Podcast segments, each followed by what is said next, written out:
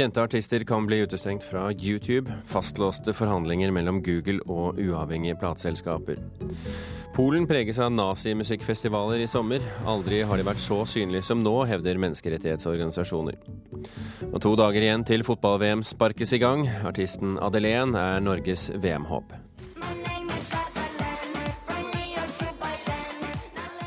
Du hører på Kulturnytt med Birger Kolsrud Aasund i studio.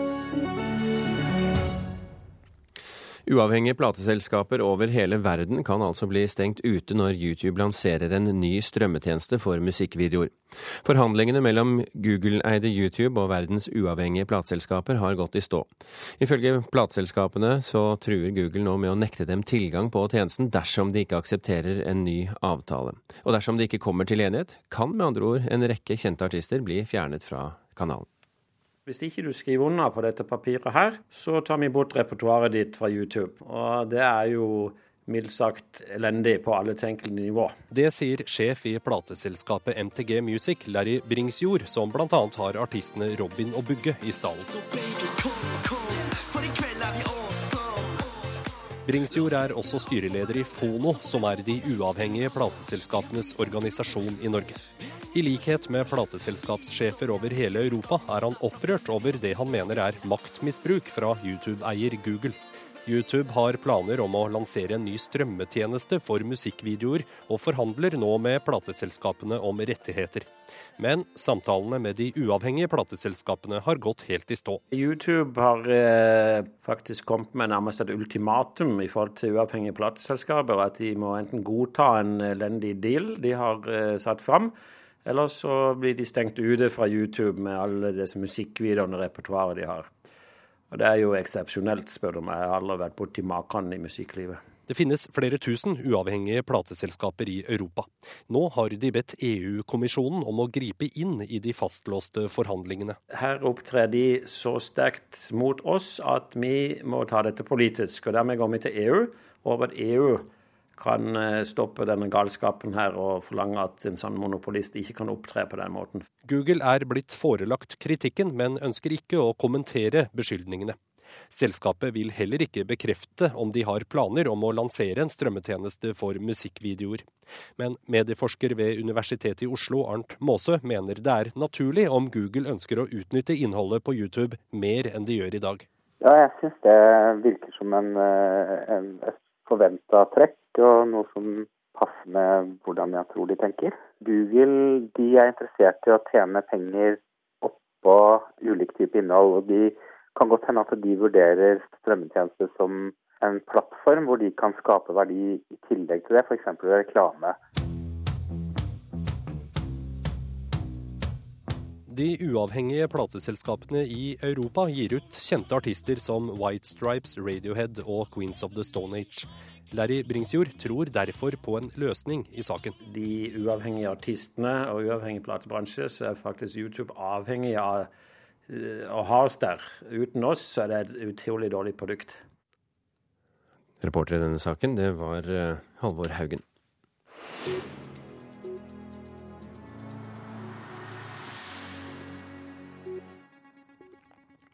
De tre største bilselskapene i USA, General Motors, Ford Motors og Chrysler, har donert over 150 millioner kroner for å redde byen Detroits verdenskjente kunstsamling. Det melder Detroit Institute of Arts. Byens kreditorer har tidligere ønsket å selge store deler av kunstsamlingen, som inneholder malerier av kunstnerne van Gogh, Matisse og Munch, for å nevne noen. Og det gjør de for å redde byen som gikk konkurs i eh, fjor. De viktigste verkene i Detroits kunstsamling er, ifølge auksjonshuset Christie, verdt mellom 2,75 og 5,3 milliarder kroner. De bergenske arkitektene bak Halden fengsel har fått tilbud om å tegne fengsler flere andre steder i verden. Vi har fått spørsmål om å tegne fengsel i Oman og Saudi-Arabia, forteller de, men vi klarer ikke å tegne fengsler som baserer seg på sharialovgivning. Det sier de til NRK. Halden fengsel er ett av fire bygg som hylles i en ny Wim Wenders-film som nå går på kino. Det er dokumentarfilmen 'Cathedrals of Culture', der også operabygget i Bjørvika er med. Ikke én, ikke to, men hele tre bøker om Jonas Gahr Støre kommer i høst. Det skriver VG. I tillegg til Støres selvskrevne politiske bok I bevegelse, så kommer Gyldendal og Kagge ut med biografier om mannen som nå er innstilt som ny partileder i Arbeiderpartiet. Biografien Jonas er skrevet av Nina Stensrud Martin og Erik Aasheim, mens boka Jonas, en politisk biografi, er skrevet av Ståle Wiig. Denne sommeren vil Polen bli oversvømt av nazimusikk. Også tidligere har det vært arrangert konserter der den hvite rase hylles som helter, mens jøder, romfolk og homofile blir hetset. Men aldri så åpenlyst, og aldri i så stor skala som i år. Blod, ære og moderland, rapper polske Zjednoczony Ursynov. En av headlinerne på årets Orle Gniazdo, Ørneredet på polsk, en såkalt patriotisk festival. Som driver egenreklame på Facebook, på egen festivalside og på plakater i flere polske byer. I år vil band fra hele Europa delta på til nå tre annonserte høyreekstreme musikkfestivaler. Bl.a. Lemovis, et fransk White Pride-band som åpenlyst støtter nasjonalsosialisme. Koncert po prostu taki duży festiwal muzyki tożsamościowej. No to jest po prostu świetne. Po prostu mam nadzieję, że to będzie co roku. Dette er en stor identitetsfestival. La oss håpe at den arrangeres igjen Hvert land bør ha en slik festival. Det sa en av deltakerne på fjorårets Orle Gnazdo, som da var arrangert for første gang. It's sad, but uh, every year we have some some kind of lazy events uh, like jamborees, like festivals, like concerts. Uh, det er trist, men vi opplever nazisamlinger hvert år. Festivaler, konserter og demonstrasjoner. Men i år ser det ut til at antallet konserter øker. Det sier Viktor Marszałek i organisasjonen Nigde Więcej, Aldri igjen, som tilsvarer norske SOS Rasisme. I løpet av vår vandring gjennom Poznans gater stopper han flere ganger opp for å rive ned plakater med høyreekstremt innhold. Vi har et stort problem med nynazisme i Polen, fordelt på flere grupperinger. Nasjonale radikalere, nasjonale sosialister, skinheads og fotballhooligans. Har hyggelige ungarere, italienere, franskmenn og nordmenn. To unge jenter forteller om hvem de møtte på fjorårets Orle Gnesta.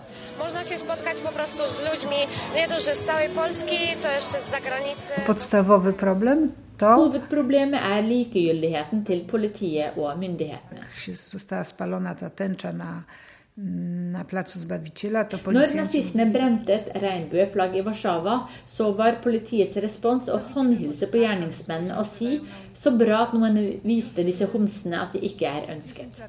Med slike holdninger blir nazistene mer vågale. Det sier Paula Savitska i organisasjonen Åpen republikk. De anmelder overfall og sjikane, bruk av hakekors og nazihilsen. For å vise myndighetene at Polen har et problem med høyreekstreme.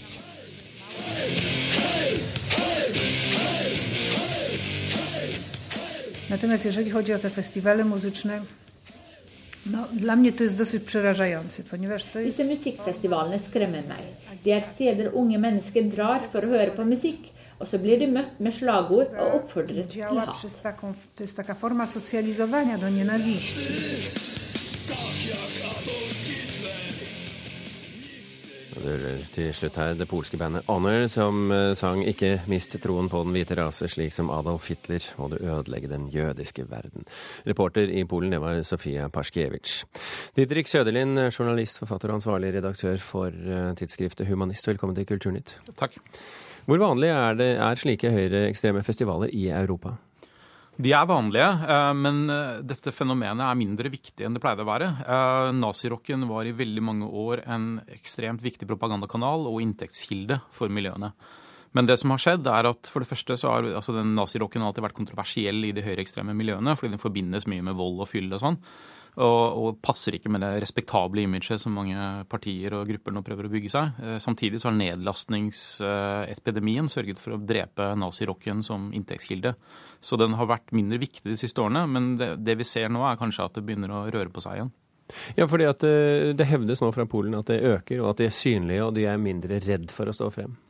Det kan jeg godt tro på, men det som også kan skje, er det de sier her i innslaget om politiet og myndighetenes likegyldighet. Og det er litt det man har sett også, fordi i mange land så er dette ekstremt hardt kontrollert av myndighetene. Så i land som Italia og Tyskland og sånn, så er det vanskelig å arrangere ting. Og det gjør at man søker seg litt ut til eh, stater hvor myndighetene ikke bryr seg så mye. Sverige var jo i mange år en eh, slags nødhavn for nazimiljøene. Og det var der liksom den eh, nazistiske musikkindustrien i Europa var basert. Hvilke mennesker er det som går på disse festivalene? Jeg er litt usikker på hvordan de fungerer som rekrutteringskanaler, for jeg tror du skal være ganske åpenbart høyreekstrem selv for å gå på dem. Men det som er interessant med språket som arrangørene her bruker, er at de bruker den nye typen retorikk som du ser i deler av de høyreekstreme miljøene nå, hvor de snakker om identitet istedenfor rase og den typen ting. Og, og, man pakker det inn i en litt mer sånn tilforlatelig språk. Eh, og da er det lettere å lokke mer normale ungdommer til å gå på det. Ja, og Hvor mange klarer de å rekruttere, da? Det er helt umulig. Ja, altså, jeg er ikke på jakt etter et tall her, Nei. bare så det er sagt. Det er helt umulig å si, men, men, saken er at disse miljøene trenger ikke nødvendigvis å bli store uh, for, for, å kunne utgjøre et problem for samfunnet. Eh, F.eks. nynazisme er ikke så mye et politisk problem, det er et voldsproblem og et, kan bli et terrorproblem. Er dette en type festivaler som nordmenn uh, frekventerer? I liten grad, tror jeg. Litt fordi vi har ikke egentlig noe nazimiljø i Norge. Eh, krigen har sørget for å stigmatisere nazisme totalt, og etter Benjamin Hermansen-drapet så har det vært veldig lite sånt. Du har noen nordmenn som drar på ting som dette her, men de er ytterst, ytterst, ytterst få. Men hvilke funksjoner kan disse festivalene ha, da? Altså Når du er eh, høyreekstremist eller nazist, så tilhører du jo en veldig uglesett liten minoritet. Jeg tror det er veldig befriende for dem å treffe likesinnede på festivaler. Eh, så det er, Pluss også at det er selvfølgelig en svær fest, hvor man kan liksom eh, slenge ut med høyrearmen og, og skrike ut det mot jøder som man ikke normalt kan. Men vi hører jo også eh, eh, rapporter og fortellinger fra deler av tidligere Øst-Europa eh, der det synes som om den høyreekstreme bevegelse er i, i vekst. Er den det? Det er den kanskje. Eh, men, men jeg, jeg tror, tror, ikke nødvendigvis man skal se mm, som et sånn ett-til-ett-forhold mellom uh, musikkproduksjonen og musikkfestivalene og den politiske organiseringen. Fordi en del av de store høyreekstreme partiene og sånn har i veldig liten grad med dette her å gjøre. Uh, Nazirocken og den høyreekstreme musikken er mest sånn de som rekrutterer de mer radikale gruppene, som litt, har litt mer sånn revolusjonært preg. Mm. Didrik Søderlund, tusen hjertelig takk for at du var med i Kulturnytt. Takk selv. Klokken er 16 minutter over åtte. Du hører på Kulturnytt, og dette er toppsakene i NRK Nyheter akkurat nå. Mange ville aldri blitt drept om det ikke var for rus. Annethvert drap skjer i ruset tilstand, viser undersøkelse. Det er optimisme i næringslivet, til tross for at det er færre ledige stillinger enn for ett år siden. Ni av ti ledere vil beholde like mange ansatte som i dag. Og laget til Mats Zuccarello Aasen tapte også den tredje kampen i sluttspillet i den amerikanske ishockeyfinalen. Følg med oss videre i Kulturnytt, så skal du få høre om menneskeofring på Hedmarken. Ikke i vår tid, riktignok, men eh, likevel. Norges eneste håp i fotball-VM er en 17 år gammel jente fra Horten. Den norske artisten Adelén har fått plass på Fifas offisielle VM-album. Etter albumet kom ut 12. mai, har hun fått dedikerte fans i både Brasil og Spania. Det er noe som er så stort for meg, da, fordi jeg Det at jeg er med på VM-plate med mine forbilder som Jennifer Lopez, Shakira, du har Pittsburgh Ricky Martin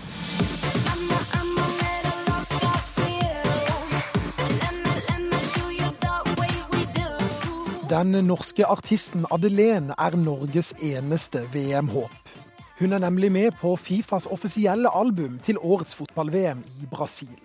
Låta 'Olé' er en av 14 låter på albumet, som også har bidrag fra storheter som Jennifer Lopez, Shakira, Avicii, Santana og Ricky Martin. Drømmen min er selvfølgelig å få det som kan kalles en ordentlig VM-låt. Eh, noe folk hører på under VM, før VM, etter VM. En låt som de kan høre år etterpå og tenke shit, nå fikk jeg déjà vu fra VM i Brasil. 17-åringen fra Horten ble kjent da hun kom på andreplass i norske Melodi Grand Prix i fjor. Nå, etter fotballåta ble sluppet, har hun fått dedikerte fans i Spania og Brasil. Det er så mange brasilianere som nå følger meg på Twitter, på Instagram, Facebook. Eh, så det å få brasilianske fans så langt unna, det, det syns jeg er kult. Men Adelén er halvt spansk. Derfor er Spania favorittlaget.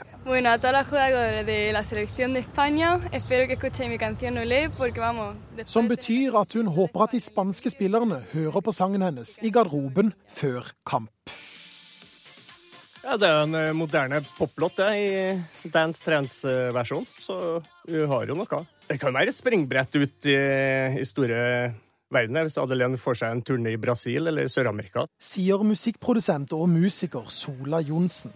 Sammen med bandet Racer var han med på å lage denne låta til VM i fotball i 1998.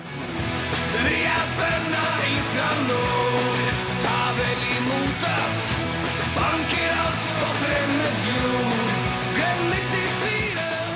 Ja, Det som er viktig med en fotballåt, det er vel at uh, det er fint med en god tekst. Catchy refreng, gjerne allsang. Enkelt. Liksom, jeg hørte Three Lines-sangen, 'Football Coming Home', fra det var VM. Det var liksom sånn, det er følelser, og jeg syns det er en utrolig fin låt.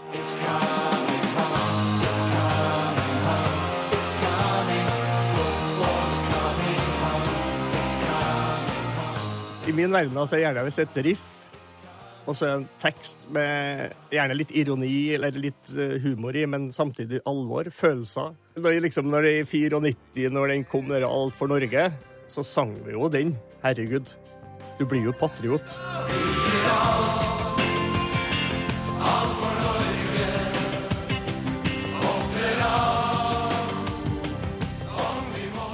Men siden vi ikke klarte å kvalifisere oss til fotball-VM denne gangen, er det altså Adelén som skal gi alt for Norge.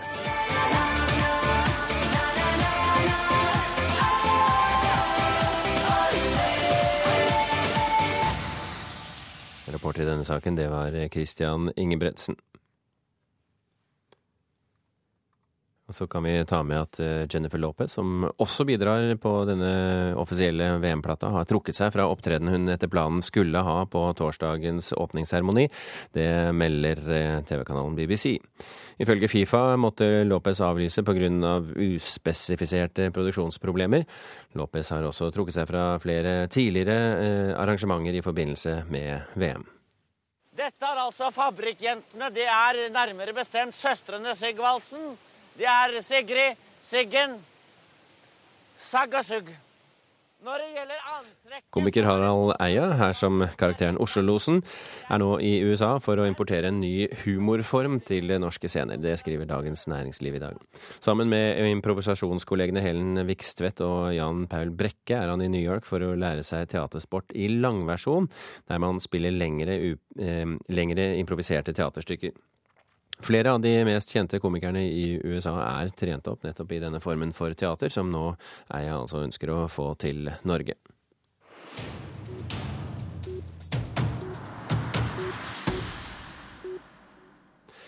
Nå i pinsen åpnet utstillingen Arnold Haukeland figur og form på Vigelandmuseet i Oslo. Mona Palle Bjerke, kunstkritiker her i NRK, skal vi ta det først? Hvem var Arnold Haukeland? Han er jo en av våre fremste skulptører gjennom tidene rett og slett i norsk kunsthistorie. Så det er ikke noe smågutt, dette her. Han regnes som legemliggjøringen av den norske modernismen og selve farsskikkelsen for abstrakt skulptur i Norge. Og han har jo også fått lov å boltre seg virkelig i det offentlige rom. Så det er veldig mange som har et forhold til ham, kanskje også uten å kjenne navnet hans. Selv uten å vite det. Og som for meg, da, som har vandret eh, mange år på Blindern, så har jeg et veldig inderlig forhold til Air fra 1962. 1962, som er den store stålskulpturen med sånne klare, renskårne former som står der. Og mange andre vil også ha et forhold til eh, dynamikk, som står ved Frognerkilen i Oslo. Men han har jo skulpturer mange andre steder òg. Altså, eh, den poetiske fugleflukt utenfor sykehuset i Sarpsborg. Og også da Rød vind, som er plassert utenfor Stenersen-museet i Bergen. Så det er jo Og man kunne nevne i fleng, for han er virkelig overalt. overalt. Men, men er han eh, en kunstner fullt dedikert til det abstrakte kunstuttrykket, Haukeland? Altså, han begynte jo innenfor en uh, tradisjonell figurativ uh, tradisjon. Og man kan jo si at i motsetning til f.eks. Åse Texman Rygg, som er den andre giganten innen norsk uh, modernistisk skulptur, så forlot han aldri helt det figurative formspråket. Han har alltid med seg en type naturreferanse. Enten gjennom titlene, som vi har hørt, eller gjennom da dette organiske i hans formspråk. Så hva er det vi får se på Vigeland museet? Jo, vi får se de, Det er en ganske omfattende utstilling i tre store saler saler. Og vi blir da tatt med gjennom en sånn ganske kronologisk vandring fra eh, slutten av 50-tallet, 60-tallet og frem mot 70- og 80-tallet. Og får se da denne overgangen fra det figurative og inn i noe mer eh, abstrakt. Da. Så det er, det er, den brytningen de fokuserer på. For de er ikke opptatt av å forsøke å gi oss en helhetlig presentasjon av hans kunstnerskap. Men hvis du skal fremheve noe som du syns er spesielt stas fra denne utstillingen? Jeg syns det var veldig fascinerende å se eh, de, de, de, tidlige arbeidene hans. For dette er sånne ting jeg har sett på bilde, og ikke i original. Og her er, jobber han jo også mye i bronse. Han er jo veldig kjent for stålskulpturene sine, så denne tidlige fasen i, med figurasjon og bronse. Blant annet 'Islandsk kvinne', som er et veldig tidlig verk, er veldig flott. Det er en sånn Eh, byste, eh, skulpturbyste. Et ganske strengt, konsentrert kvinneansikt. Og hun ser veldig sånn aktiv handlende ut. Hun har en voldsom hestehale som liksom kommer ut fra hodet som en sånn krigersk vimpel. Som om hun, eh, vinden har tatt fatt i håret hennes. Og dette er en veldig flott motvekt til alle disse objektiverende fremstillingene av kvinnen gjennom skulpturtradisjonen. Her er dette virkelig et subjekt og en aktør vi ser her. Ja, hva annet kan du fremheve? Ja, Det var veldig gøy å se også tidlige utkast til, til disse veldig kjente monumentene hans. Eh, hvor han på en måte utforsker eh, både de ulike formuttrykkene, men også sitt eh, abstrakte formspråk, slik det skulle ta form. da. Hva, hva vil et nå selvfølgelig, Jeg stiller deg dette spørsmålet ofte, men i litt forskjellig form. Men hva, hva vil folk som ikke er kyndig innen kunsthistorie, kunsthistorie, kunne få ut av denne utstillingen? Altså Det er jo modernismen, da, som, og den abstrakte modernismen har jo en veldig sånn nesten musikalsk appell. For det er jo former, det er jo ikke fortellinger, det er jo ikke på en måte referanser til tekster eller ideer så mye som bare et rent formuttrykk. Noe som er veldig universelt, som er på en måte et språk som ja. kan treffe alle. Og så fint. Det, ja, så det tror jeg jo ja, veldig, for, veldig formsterkt og fint. Og, så dette er en veldig flott uh, utstilling som mange kan få noe ut av. Har de klart å presentere uh, Haukeland på en god måte? Du kan jo si at det er, det er jo en uh, utstilling uten de store, på en måte ambisiøse kuratorielle ideene. Eh, så det er jo ikke noe sånn nybrottsarbeid, arbeid, verken på idésiden eller på presentasjonssiden. Men jeg syns det var en veldig fin utstilling å se, og jeg tror mange vil ha glede av å stifte et nærmere bekjentskap med Arnold Haukeland. Mona Palle Breken, takk for at du kom til oss. En bonde fra Hedmarken gjorde nylig et helt unikt arkeologisk funn. En 2900 eh, år gammel hodeskalle dukket nemlig opp under en grøfting han eh, gjorde på gården. Mannens hode, den mannen som hodet tilhørte, han eh, ble ofret, og det helt unike funnet kan nå gi ny kunnskap om menneskeofringen i vår historie. Nederst i kjøleskapet her har vi en plastboks, og i den plastboksen ligger hodeskallen. Pent pakket inn i mykt, syrefritt silkepapir ligger rester av en ung mann. Denne mannen her, han har vært litt yngre enn 20 år. Sånn. Han ble ofret til gudene i ei myr på Hedmarken for 2900 år siden. Og det vil si at det er fra bronsealder, og det er helt unikt. Det er det første myrskjelettet fra bronsealder i Norge. Men kan vi gå i åkeren din, da? Fylkesarkeolog i Hedmark Kjetil Skare har tatt meg med dit hodeskallen ble funnet. På gården Skyttra i Stange kommune.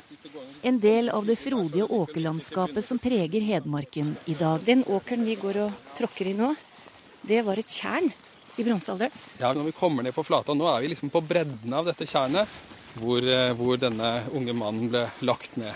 Nå står vi oppå grøfta som vi fant den nedi kom bare en liten boll som datt ur graveskuffa og ble liggende framme bena på meg. Det var bonde Halvor Stenberg som gjorde det sjeldne arkeologiske funnet i forbindelse med grøfting på gården. Far som kjører gravemaskin og jeg gikk ned i grøfta. En ren tilfeldighet at det ble funnet, og ingen selvfølge at han skulle bry seg om denne jordklumpen. Så da tok jeg opp den bollen, og så var det litt slikt skall utapå, og så begynte jeg å plukke av biter, og da begynte jeg å tenke litt på hva dette var. da. Og funnet er ikke bare det eneste av myrskjeletter fra bronsealderen. Det er et av veldig få slike funn i Norge i det hele tatt. Bare 17 registrerte. De fleste på Hedmarken. Og Det er helt spesielt for Hedmark at vi har disse skjelettene fra førromersk jernalder, som er like før år null, pluss nå dette her helt unike funnet fra bronsealder. Altså en ung mann, ikke fylt 20 år ennå, er på denne bredden her og ender med å havne i tjernet. Hva, hva tror du har foregått? Ja, Det må jo ha vært et, en eller annen form for et ritual. En ganske ja, alvorlig seanse. Funn av godt bevarte myrelik i Danmark forteller mye om de religiøse ritualene som har foregått i forbindelse med menneskeofring på denne tida. Men i Norge er det forska lite på de få funnene som er gjort. Vi kan finne gjenstander fra hverdagslivet, smykker osv., men dette her rundt det religiøse, det rituelle, det er dette materialet helt unikt til å fortelle oss noe om. Så her er det nesten bare fantasien som setter grenser. Fantasien om moderne teknologi. Det er litt spesielt. Det er litt spesielt å tenke på det. Nå vil Skare søke om midler til en utgraving på Hedmarken. For Det er først nå vi faktisk vet med sikkerhet at det er så gammelt at det er arkeologisk interesse. Så nå begynner vi. En lignende utgraving i Tune i Østfold for et par år siden ga ikke de resultatene man håpet på. Men i de endeløse åkrene på Hedmarken tror fylkesarkeologen det vil dukke opp rester fra flere myrelik. Så vi venter i spenning på at uh, vi skal få inn flere funn, for det tror vi vil bli gjort. Og reporter her det var Torunn Myhre. Kulturnytt runder nå av, en sending som i tillegg til menneskeofring handlet om kjente artister som kan bli utstengt fra YouTube, nazikonserter i Polen og Norges VM-håp Adelén. Hilde Tosterud, Gjermund Jappé og Birger Kolsrud Aasund logger av. Nå får du Nyhetsmorgen her på denne kanalen.